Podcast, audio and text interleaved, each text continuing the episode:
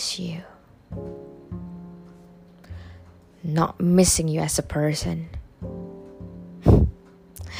I know it sounds like I'm an asshole, but I do miss you. I just miss your body that wrapped around in mine, feeling your breath around my neck, kissing your thin lips, feeling your deep inside of me. Looking at your eyes while we're doing it, feeling your tongue twisted around mine while you pump it up inside of me.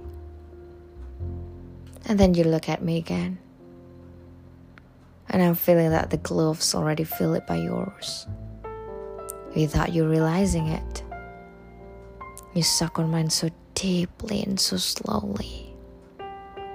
You never did that before, but I'm feeling it that way. You're different than the other night. I'm sorry.